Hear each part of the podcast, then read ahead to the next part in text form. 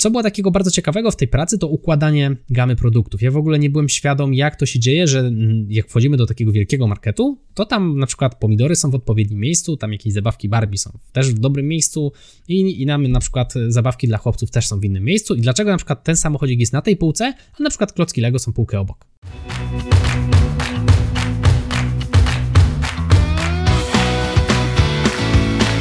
Chcesz przenieść swoją karierę na wyższy poziom? Nieważne, czy pracujesz na etacie, czy jesteś przedsiębiorcą. Świetnie trafiłeś.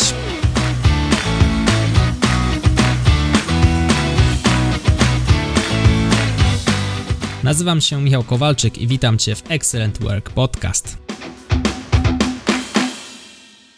Cześć, hej, witam Cię w ten ostatni wtorek wakacji roku 2020.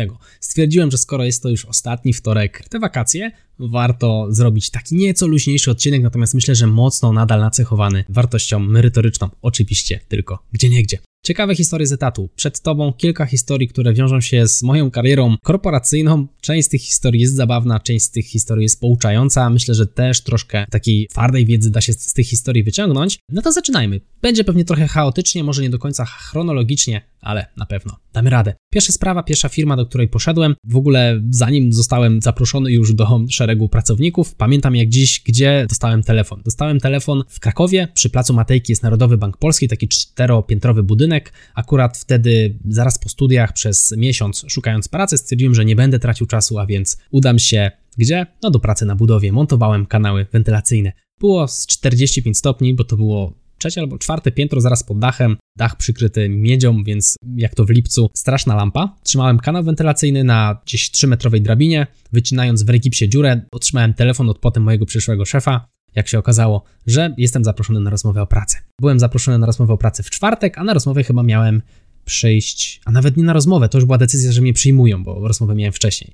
Do pracy miałem przyjść w poniedziałek, więc szybko załatwiłem badania, no i pojawiłem się w mojej pierwszej poważnej pracy. To była sieć sklepów, w sumie chyba mogę powiedzieć nazwę Tesco, Centralna Europa, biuro główne, które mieściło się w Krakowie, chociaż chyba dalej się mieści, natomiast firma jest już w trochę innej kondycji finansowej i w ogóle też chyba docelowo się wycofuje z kraju. Natomiast to było kilka lat temu, więc tam wtedy jeszcze działała w miarę prężnie. Co było ciekawe, przyszedłem do pracy, okazało się jako taki gość zaraz po studiach, że przyjdzie mi zarządzać, w zasadzie pomagać w zarządzaniu tysiącem sklepów w centralnej Europie. Europie, czyli Polsce, na Węgrzech, w Czechach oraz na Słowacji. To były cztery kraje, którymi region Centralna Europa się zajmował. Podzielone te sklepy były na małe, średnie i duże. Te duże liczyły nawet 12 tysięcy metrów kwadratowych, a więc całkiem, całkiem dużo. Zajmowałem się zabawkami i akurat mojej roli tutaj pomocniczej przypadło zajmowanie się zabawkami dla dziewczynek. I teraz uwaga, mam na myśli zabawki dla dziewczynek od tam 0 do 5 lat, a nie takie zabawki dla dziewczynek już nieco starszych.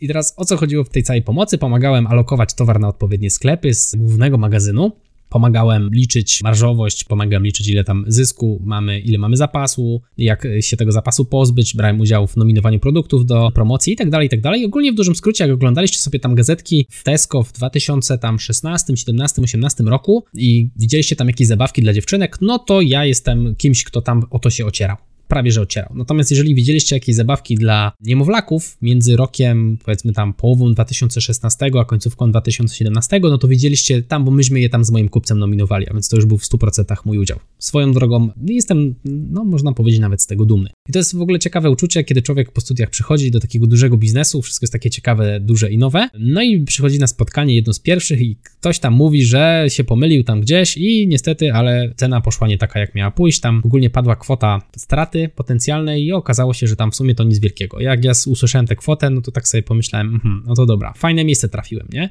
Ja pewnie tyle w rok nie zarobię.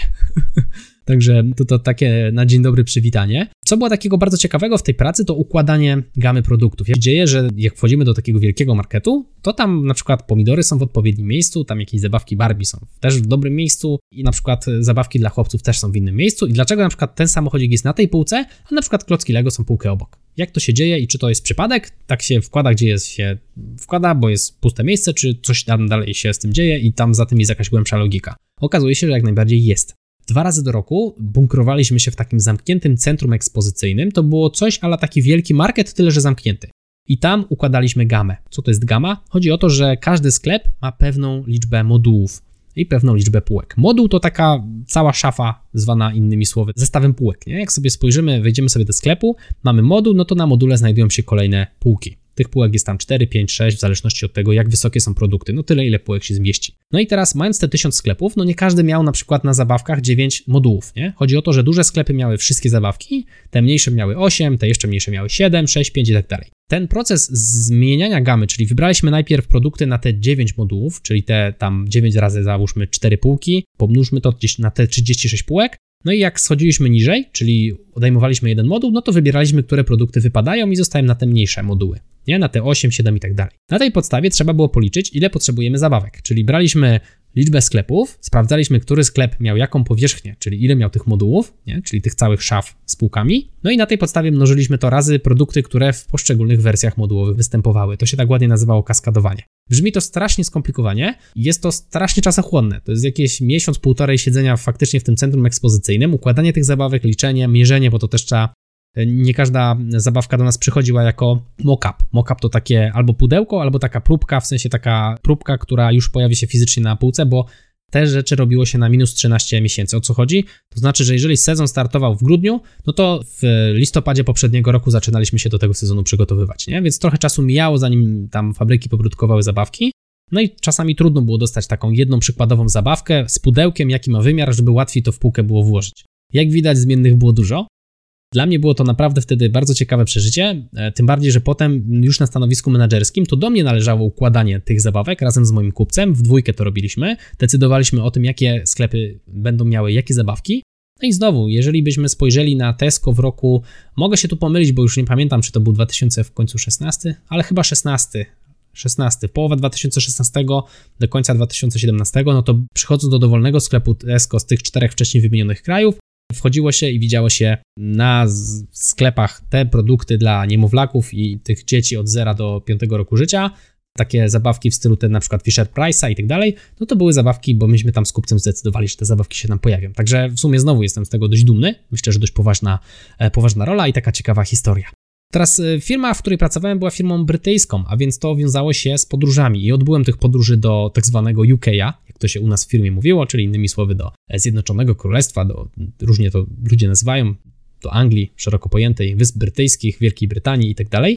Byłem tam z 10 razy gdzieś. I teraz po co te wypady się tam odbywały? Byliśmy zapraszani przez dostawców do takich dużych, zamkniętych centrów ekspozycyjnych. Wchodziło się tam w ogóle telefon to nie było, żeby jakiekolwiek zdjęcia robić, bo to były rzeczy, które miały się pojawić w sprzedaży dopiero za rok. Tacy producenci bardzo strzegli tych swoich projektów, no bo to były nowości, staraliśmy się przewidzieć rynek i tak dalej, i tak dalej. Jakie to były firmy? No na przykład ten Mattel, wcześniej już wspomniany, czyli firma odpowiedzialna za na przykład takie brandy jak Fisher Price. Myślę, że część z nas skojarzy. Takie brandy jak Barbie, to jest znów coś, co się mocno wiąże z, z Mattelem. A więc byliśmy w tych ich showroomach, w tych zamkniętych centrach ekspozycyjnych no i to też sprawiało naprawdę fajne wrażenie. Dobrze było tam siedzieć i patrzeć na zabawki, które za 13 miesięcy dopiero pojawią się w, w sklepach i no to też jest coś, z czego w sumie, co było bardzo fajnym przeżyciem. W ogóle fajnym przeżyciem było pierwszy raz wsiąść, wsiąść w samolot, co stało się właśnie w tej pierwszej mojej firmie, w której pracowałem. Nigdy wcześniej nie latałem. Bardzo byłem ciekawy, jakie to uczucie. No, całkiem przyjemnie. Potem, jak już doszliśmy do kwestii wycieczek i lotów, no, wiązało się z tym kilka ciekawych historii. Jedną z nich było pomylenie hotelu. Przy lotnisku, nie pamiętam wtedy, gdzie lądowaliśmy, lądowaliśmy na pewno pod Londynem, chyba to było Heathrow. Przy Heathrow były dwa hotele, chyba to były Garden Inn, jak się nie mylę. Dwa hotele, które znowu nazywały się tak samo, bo to ta sama sieć, ale adres był nieco inny. No i my pechowo przyjechaliśmy nie do tego, do którego powinniśmy.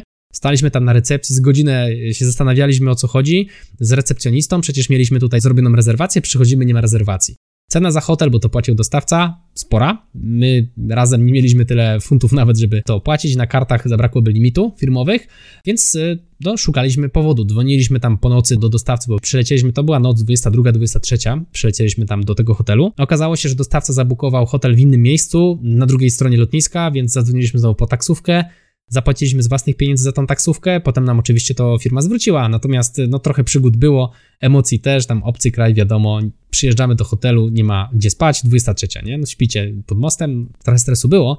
No i druga sprawa, pierwszy lot samemu właśnie do, na Wyspy Brytyjskie, nie? Trochę się denerwowałem, bo no jakby nie było, trochę były mało byty, to był nie wiem, który mój lot w ogóle wtedy samolotem. Na pewno nie pierwszy, ale możesz czwarty, natomiast taki pierwszy sam, sam. Wchodzę na balicę, Lecieliśmy wtedy z Balic, to był lot na Stansted, znowu pod Londynem. Wylot miał być 21.15, doskonale to pamiętam, bo to było dla mnie dość emocjonujące przeżycie, pierwszy lot samemu na, na w sumie jakiś tam drugi koniec Europy. Wsiadam w samolot radośnie, tam piszę do żony SMS-a, że w samolocie no to nie po SMS-ujemy, ani nie podzwonimy, bo zasięgu nie ma. Nie masz takich bajerów, nie latałem pierwszą klasą, czy tam jakąś biznes klasą w ogóle. I co się, co się działo? 21.15, e, problem, bo tam jakaś mgła, czy jakieś inne rzeczy, start opóźniony. Myślę, no to grubo, dla mnie tam taksa czeka, przecież ja przylecę tam po nocy, jakiejś pierwszej w nocy przylecę tam na ten Stansted. Jak ja w ogóle się dostanę do hotelu? Adresu do hotelu mi nie dali. Jak ja to ogarnę, nie? Tam piszę do jakiejś asystentki, piszę do mojego kupca, oni mówią spoko, spoko, jakoś dasz radę i tak dalej. Poradzisz sobie, znasz język angielski. Myślę, no to grubo. Poczekałem godzinę, wylecieliśmy, przyleciałem, a tam się okazało, że ten taksówkarz to taka sprytna bestia była, że on wiedział, kiedy ja przylatuję. Okazuje się, że to jest normalne, nie? że jeżeli masz zabukowaną e, taksówkę na lot, no to taksówkarz pojawi się dopiero wtedy, kiedy ten lot przyleci, nawet jeżeli jest opóźniony. Przecież nie tylko mój lot był opóźniony, natomiast no, ja nie mogłem wiedzieć, że tak będzie, no bo robiłem to po raz pierwszy. Pamiętam jak dziś, że ten taksówkarz był, to był starszy, starszy facet, bardzo narzekał na kierowców w Anglii, no i bardzo narzekał na pogodę w Anglii. Ale ogólnie był taki fajny, przyjemny. Pogadaliśmy sobie w nocy, Przyleciałem wtedy do hotelu. To był w ogóle bardzo ciekawy wylot. O 21 byłem na Balicach w Krakowie. W hotelu byłem gdzieś o 3 rano, bo tam jest jeszcze godzina zmiany, a więc o 2 rano na nasz czas. Wtedy rano miałem spotkanie chyba od 9 do 11. O 11 pojechałem na lotnisko i o chyba 15 albo 16 byłem w domu w Krakowie pod Krakowem, nie? To ciekawy wylot. W mniej niż 24 godziny poleciałem na spotkanie do UK, do Wielkiej Brytanii i wróciłem z powrotem do Polski. To też było ciekawe. E, nie pytajcie mnie o decyzję biznesową, kto taką podjął, natomiast no, wysłali mnie, no to poleciałem, nie miałem jakby tutaj większego wyboru, ale było ogólnie e, fajnie, ciekawe bardzo przeżycie. Obrócić Anglię, jak się okazuje, czy tam Wielką Brytanię, obrócić w mniej niż 24 godziny się da. Trochę jakby się zastanowił, to jakby jechał do Warszawy samochodem i z powrotem. Podobny czas, jeżeli liczylibyśmy przelot. W materii właśnie jeszcze tej pierwszej firmy Targi w Norymberdze. Spielen Waren Meze, tak mam sobie tutaj zapisane, czyli największe targi zabawek w Europie i w tym regionie tutaj, szczególnie w Europie tutaj tej naszej centralnej, nie? O co chodzi w tych targach? Zobaczcie sobie, jeżeli macie wolną chwilę, gdzieś na YouTube, jak to wygląda.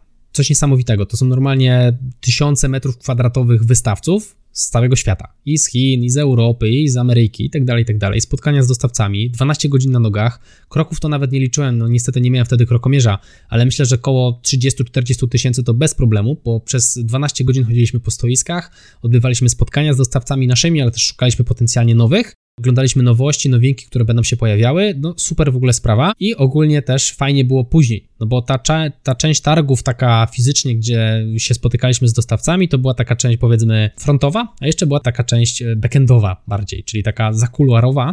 To była scena, w której wracaliśmy do hotelu, no i zazwyczaj któryś z dostawców zapraszał nas wtedy na kolację. I to były bardzo fajne kolacje w bardzo fajnych miejscach, na przykład w restauracjach z gwiazdkami Michelin i takie były smakołyki, jak na przykład jakiś stek z jelenia, nie? To swoją drogą fajne przeżycie. Ja pewnie w życiu na taką kolację bym sobie sam nie poszedł, a w, tutaj w 4 dni, bo tyle spędziłem w Norymberdze, zwiedziłem chyba z cztery fajne knajpy. Pamiętam właśnie jedną z gwiazdką Michelin była, jakaś knajpa indyjska, e, jakaś knajpa właśnie taka z dziczyzną, i chyba coś jeszcze było, ale nie wiem. Hotel, hotel też był bardzo urodziwy i w ogóle, jak się okazuje, te Niemcy to bardzo ładny kraj. W sensie byłem wtedy tam pierwszy raz. Bardzo mi się tutaj spodobało, także na pewno jeszcze się wybiorę z rodziną po raz kolejny. W każdym razie naprawdę fajne przeżycie i zobaczmy, że ja tutaj opowiadam to z dość dużym entuzjazmem, bo to naprawdę było fajne.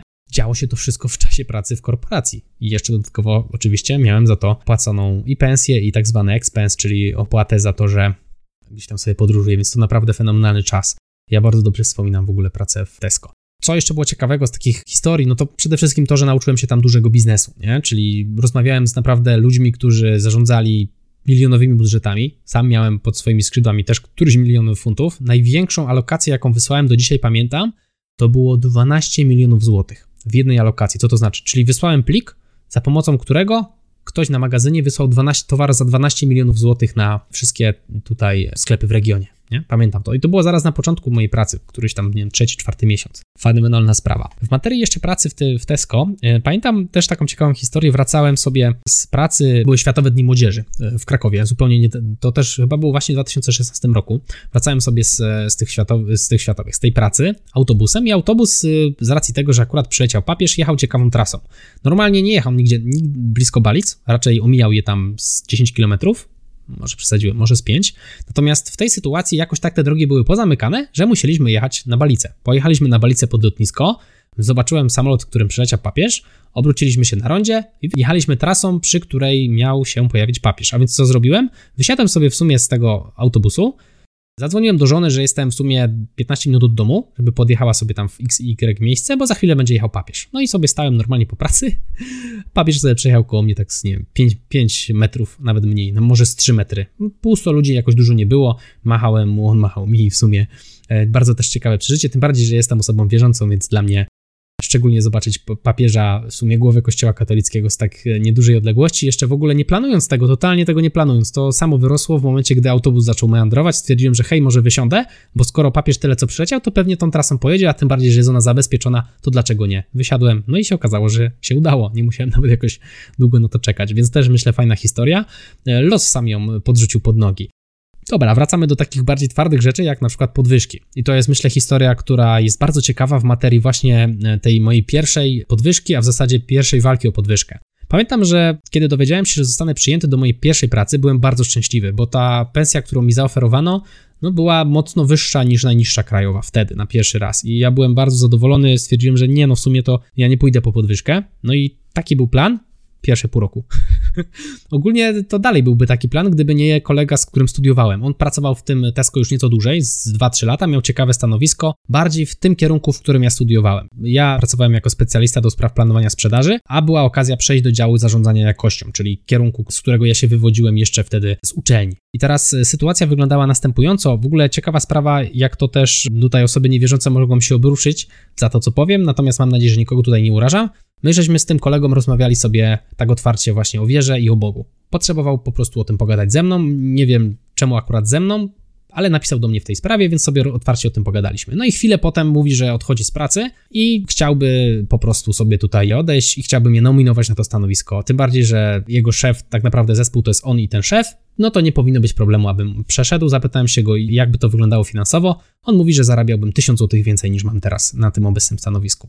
No to ja się nie zastanawiałem, poszedłem do szefa, mówię mu jakaś sprawa, mówię szefie, jest taka sprawa, że tutaj dostałem ofertę, ściana obok, to jest w moim kierunku, ja tu jestem z wami pół roku, więc to jest scena, w której mogę zdecydować, w którą stronę pójdę. Co z tym robimy? No spodziewałem się, że coś zrobimy, nie? A szef mówi, dobra Michał, ile? No ja mówię, no tyle szefie, nie? Wyrównaj mi, nie? No chociaż mi wyrównaj, no, no co ci powiem, no nie chcę więcej, wyrównaj mi, nie ma tematu, nie? Dobra, spoko, nie ma problemu, daj mi chwilę, pogadam z kim trzeba, zastanowimy się. Pogadał z kim trzeba, mówi spoko Michał, do załatwienia, ale musisz poczekać, bo to nie jest tak, że ja o tym decyduję, tylko decyduję o tym pięć poziomów wyżej, szef wszystkich szefów i tak dalej, i tak dalej. No to dobra, poczekam spokojnie, czekam miesiąc, czekam dwa, przychodzi do mnie, tamto stanowisko zostało już zajęte, przychodzi do mnie i mówi, że no na razie to jeszcze dalej trzeba czekać. No to ja się zdenerwowałem, no i zacząłem szukać wewnątrz firmy jakiejś innej tutaj oferty pracy, nie? Poszedłem na rozmowę, na inną rozmowę w obrębie firmy i okazało się, że ten gościu, którego byłem na rozmowie, no to był znajomy tego mojego szefa. No, nie mogłem tego wiedzieć, bo pracowałem wtedy pół roku, nie? To jeszcze tam tych wszystkich kontraktów i, i, tych znajomości nie mogłem wyłapać, że ci ludzie się znają. No i finalnie okazało się, że po tej rozmowie w sumie nie zostałem, nawet nie chciałem tam na to stanowisko iść, bo to nie było coś, co było dla mnie, nie, odnalazłbym się tam, a w tym miejscu, w którym byłem jako specjalista, naprawdę mi się to miejsce podobało. Ale nie lubię, jak się mnie, mi się coś obiecuje, a potem tego nie ma. Nie lubię być oszukiwany, a taki się właśnie wtedy poczułem. Finalnie okazało się, że szef faktycznie szykował nie podwyżkę, a awans od razu na stanowisko menedżerskie. No i ciekawostka, po 9 miesiącach pracy na stanowisku specjalisty zostałem awansowany na menadżera i to był jeden z najszybszych awansów w historii w ogóle całej firmy. Nie? Więc to też jest coś, z czego jestem w sumie bardzo dumny. Ale że firma sobie tutaj tę kondycję fizyczną miała, jaką miała, po roku pracy na tym stanowisku menedżerskim, właśnie w czasie, kiedy te różne gamy tam ustalałem, to jest coś, o czym już przed momentem słyszałeś, przyszła scena, w której ja zdecydowałem się firmę zmienić. Zmienić sobie firmę, no i stwierdziłem, że poszukam sobie jakiejś innej. W procesie było kilka firm, kilka dużych firm, pamiętam, było to Herbalife, był to Maspex Wadowice i była to Motorola Solutions. I teraz e, Maspex w Wadowice był w Wadowicach, ja z miejsca, w którym mieszkam do Wadowic mam jakieś 40 km, może 35, więc to było takie znak zapytania, czy dojeżdżać ale stwierdziłem, że spróbuję. Maspex dobrze mi się kojarzył. Herbalife to było coś, co kojarzyło mi się średnio, bo kojarzyło mi się z MLM-em, więc tam nie do końca chciałem pracować, ale stwierdziłem, że będę w procesie, żeby zobaczyć, jak to jest. Natomiast Motorola, firma amerykańska, myślę, wow, firma amerykańska, jeżeli są delegacje do Wielkiej Brytanii w firmie z UK'a, no to może są delegacje do Stanów Zjednoczonych w firmie amerykańskiej, a ja bardzo chcę zwiedzić Stany nadal. Nie byłem tam jeszcze nigdy, kiedyś na pewno będę, tak myślę, taki jest plan, żeby przed śmiercią zobaczyć Stany Zjednoczone, więc stwierdziłem, że a może sobie tutaj przycupnę w tej Motorola. I tak się fajnie złożyło, że w Herbalife mnie nie przyjęli. Przegrałem w finale z drugim kandydatem, dlatego że ten drugi kandydat miał doświadczenie w branży, to była branża suplementacyjna.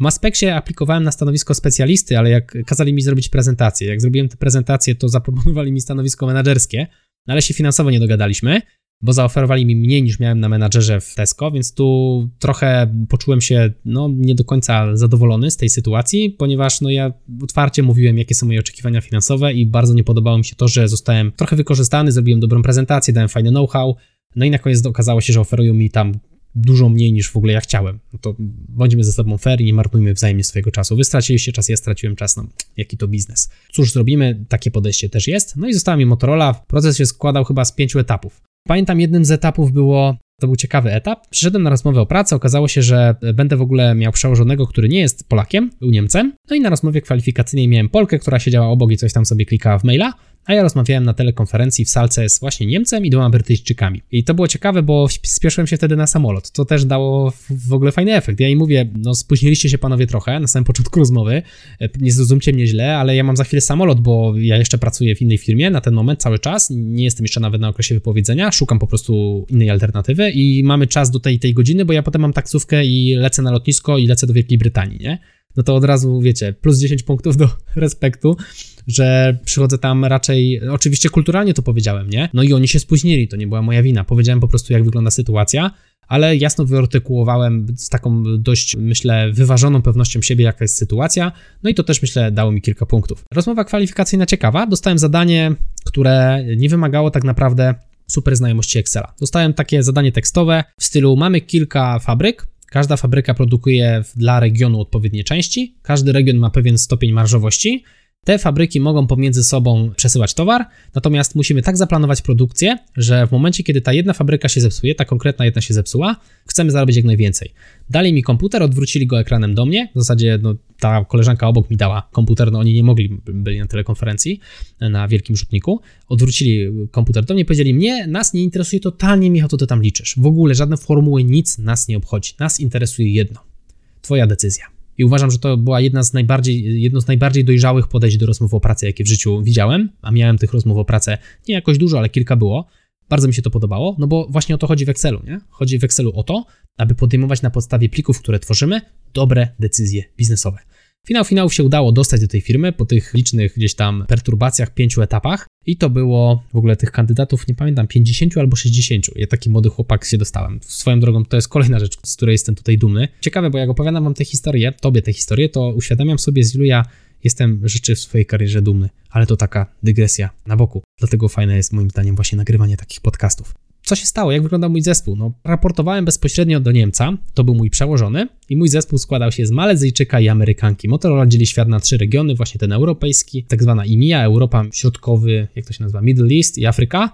Może tak po angielsku brzydko. Middle East to jest to Bliski Wschód, tak? Bliski Wschód, czy Środkowy Wschód i, i Afryka. Potem mamy właśnie Azję, nie? Asia Pacific, czyli Azja i Pacyfik, no i, i Amerykę, nie? Cały region amerykański, północna i południowa. I teraz ja byłem odpowiedzialny właśnie za tą część europejsko-afrykańską, jeśli mogę tak powiedzieć, i bliskowschodnią. Moja koleżanka Amerykanka za Amerykę i mój kolega Malezyjczyk właśnie za tą część Asia Pacific, Azja i Pacyfik. To ciekawe, fajne doświadczenie w ogóle być świadomym tego, że firma jest rozsypana po całym świecie i rano rozmawialiśmy z Azją, no bo u Azji był wtedy późny wieczór, a po południu rozmawialiśmy ze Stanami, no bo o 15 naszej w Chicago tam była 7 rano, czy tam 8 rano, nie? W ogóle bardzo ciekawe. Żeby zrobić spotkanie, musieliśmy tak celować, żeby każdy mniej więcej był w stanie. Albo tutaj mój kolega Malezyjczyk późno w nocy to robił, a moja Amerykanka, koleżanka bardzo wcześnie rano i finalnie ja byłem pod koniec dnia pracy i jakoś tak się udawało spotykać, nie? Bardzo ciekawe doświadczenie. Pracować, uwzględniając strefy czasowe na całym świecie. Polecam, myślę, że bardzo to otwiera oczy. I teraz tak, co tutaj dalej mamy? Mam tutaj oczywiście wypisaną listę. Z ciekawych rzeczy, które działy się w tej Motorolce, wyjazd do Berlina. To jest też coś, co fajnie było. Ja jestem w ogóle wielkim fanem e, II wojny światowej. Wiem, że to tak brzmi, Berlin to od razu się z wojną kojarzy. No nie, jeżeli się tam pójdzie i zobaczy, pochodzi się trochę pospaceruje, no to jednak widać, że oni jednak w tej stolicy pokazują, że takie coś jak II wojna światowa było. Nie? Są tam miejsca do odwiedzania, Można zobaczyć czołgi, tam T-34, kilka jakichś tablic informacyjnych i tak dalej. Można sobie rać tak zobaczyć, jak się w gry różnej maści grało, gdzie faktycznie ten Berlin się tam, różne rzeczy się w tym Berlinie robiło. Była brama brandenburska, no to ten układ w grach bardzo często był taki jak właśnie na żywo w Berlinie. Ja bardzo chciałem to zobaczyć na żywo i mimo, że tak naprawdę miejsce, w którym miałem pracować, czy pracowałem, było oddalone 8 km od centrum, wsiadłem sobie tam w Ubana, to się Uban tak ładnie nazywało i pojechałem sobie. Zapytałem oczywiście wcześniej szefa, jak to zrobić, jak się tymi biletami tam wyobsługiwać, jakie są na jaką strefę, bo to klasycznie w każdym mieście działa to inaczej. W Polsce tak samo, jak się nawet do Warszawy jedzie, to totalnie inny świat, jeżeli chodzi o bilety niż w Krakowie. Pogadałem i w sumie koniec języka za przewodnika, jak to mówią dzisiaj angielski prawie każdy zna, więc sobie pozwiedzałem. Nawet y, jest ciekawostka, na jednym z live'ów, pewnie jakbyście głębiej poszukali na fanpage'u Excellent Work, skuteczna nauka Excela na Facebooku, znajdziecie live'a spod Reichstaga. Robiłem tam tego live'a, w tle widać właśnie Reichstag, czy Bundestag, nie wiem jak to tam się ładnie nazywa, ten budynek rządu amerykańskiego. Amerykańskiego, niemieckiego oczywiście jak najbardziej. Więc to myślę ciekawe przeżycie, spacerując sobie po stolicy Niemiec i robiąc live'a też na Excellent Work. Kolejna taka ciekawostka, z którą też dobrze wspominam, to jest to, co mi kiedyś powiedział szef, ten mój pierwszy, że on pierwszy raz w życiu się spotkał w historii z czymś takim, żeby tak szybko nazbierać sobie high five'ów. High five to była taka w Motorola praktyka, że e, jeżeli dostałeś pięć łapek w górę, takich od kogoś, takich poleceń, podziękowań fizycznych, które rejestrowało się w systemie, to dostawało się tam plusa do wypłaty. Tam chyba, nie pamiętam ile teraz tego było, jakaś to kwota była, zostawmy to. To nie były na pewno ty, w tysiącach, raczej w setkach, nie? I teraz można było trzy dostać takie nagrody w ciągu roku. Ja przyjąłem się do firmy w połowie roku, no i do końca roku, czy nawet tam, nawet przed końcem roku udało mi się uzbierać 15 i to był limit roczny. I on powiedział, że to jest aż niemożliwe i on aż myślał, że to jakoś tam na lewo sobie to robię, nie? Ale pogadał z tymi osobami, które mi dawały te high five i okazało się, że faktycznie ja im pomagałem. Tak, no bo ja starałem się tę pracę swoją automatyzować, no i dzięki tej automatyzacji swojej pracy w Excelu pomagałem też innym, dzieliłem się chętnie swoją wiedzą już wtedy, jeszcze pracując na etacie, nie mając e, projektu Excellent Work, który wtedy, pamiętam w głowie, już pod koniec tego roku się zaczął rodzić. To był, pamiętam, 23 października, kiedy założyłem Excellent Work, no a ten 23 października to był czas, w którym ja w Motorola pracowałem jakieś 5 miesięcy, a więc to już były te początki, kiedy rodził się projekt, który na koniec dnia spowodował, że opuściłem właśnie tę drugą firmę. No i a propos opuszczania firmy, opuściłem dwie, no opuściłem Itesco i opuściłem Motorola. W obu przypadkach było e, exit interview. I pozwolę sobie tutaj zostawić niedomówienie, które interview było w której firmie, żeby nie było tutaj jakichś niepotrzebnych problemów. Natomiast powiem tylko tyle, że w jednej z firm, tak to moje exit interview, to tak się trochę poczułem, jakby wylewanie żali. Osoba, która to exit interview przeprowadzała, trochę jakby rozumiała wylewanie żali to może za mocne słowo, natomiast rozumiała mój punkt widzenia, wiedziała, czemu ja z tej firmy odchodzę i czuła, że w sumie to dobra decyzja, więc jakby wykazała się naprawdę dużą empatią na tej rozmowie. Tu nie było jakiegoś takiego drożenia i tak dalej pytania, tylko raczej, no okej, okay, rozumiem, jak sytuacja wygląda. A drugi exit interview to wyglądało trochę jak podcast, czyli ta osoba, która mi to exit interview przeprowadzała, pogadaliśmy sobie trochę o osobach z branży online, bo się okazało, że ta osoba wracała po okresie ciąży, no i też myślała sobie tam trochę o biznesie online. Ja gadałem z nią właśnie o tej branży online'owej, o tych wszystkich osobach, które koło tej branży krążą, o tym moim pomyśle na siebie, co ja bym tam dalej chciał w życiu robić. No i jej się to bardzo spodobało, więc to, tak sobie pogadaliśmy raczej luźno, mało tam było jakichś takich twardych też dociskań. Dlaczego ty odchodzisz? No sprawa była jasna, w jednej i w drugiej firmie motywacja była czysta. W jednej firmie odchodziłem, bo sytuacja była taka trochę trudniejsza. W ogóle przyszłość była trochę mniej pewna w tej firmie. Jak się potem okazało, decyzja była dobra, aby ją opuścić, po, po trzech miesiącach cały mój dział został zlikwidowany. Część osób znalazło zatrudnienie dalej w strukturach organizacji, część została zmuszona do tego, aby poszukać, jak to ładnie się mówiło w korporacji, rozwinąć karierę poza strukturami firmy nie? poza strukturami organizacji, część została na to skazana, jakieś tam pewnie 80%, strzelam teraz z biodra, coś takiego. A natomiast w drugiej firmie, no to mój biznes już stał na nogach na tyle solidnie, że ja zdecydowałem się, że nie jestem w stanie pracować w firmie na etacie i jeszcze dodatkowo rozwijać firmę, mając dodatkowo małe dziecko w domu, bo wtedy urodził się mój Mieszko. I jak opuszczałem etat, to ten mój Mieszko miał 7 miesięcy, a ja chciałem też trochę to dziecko widzieć, nie? Tym bardziej, że teraz już mam dwójkę, bo mam jeszcze Henia.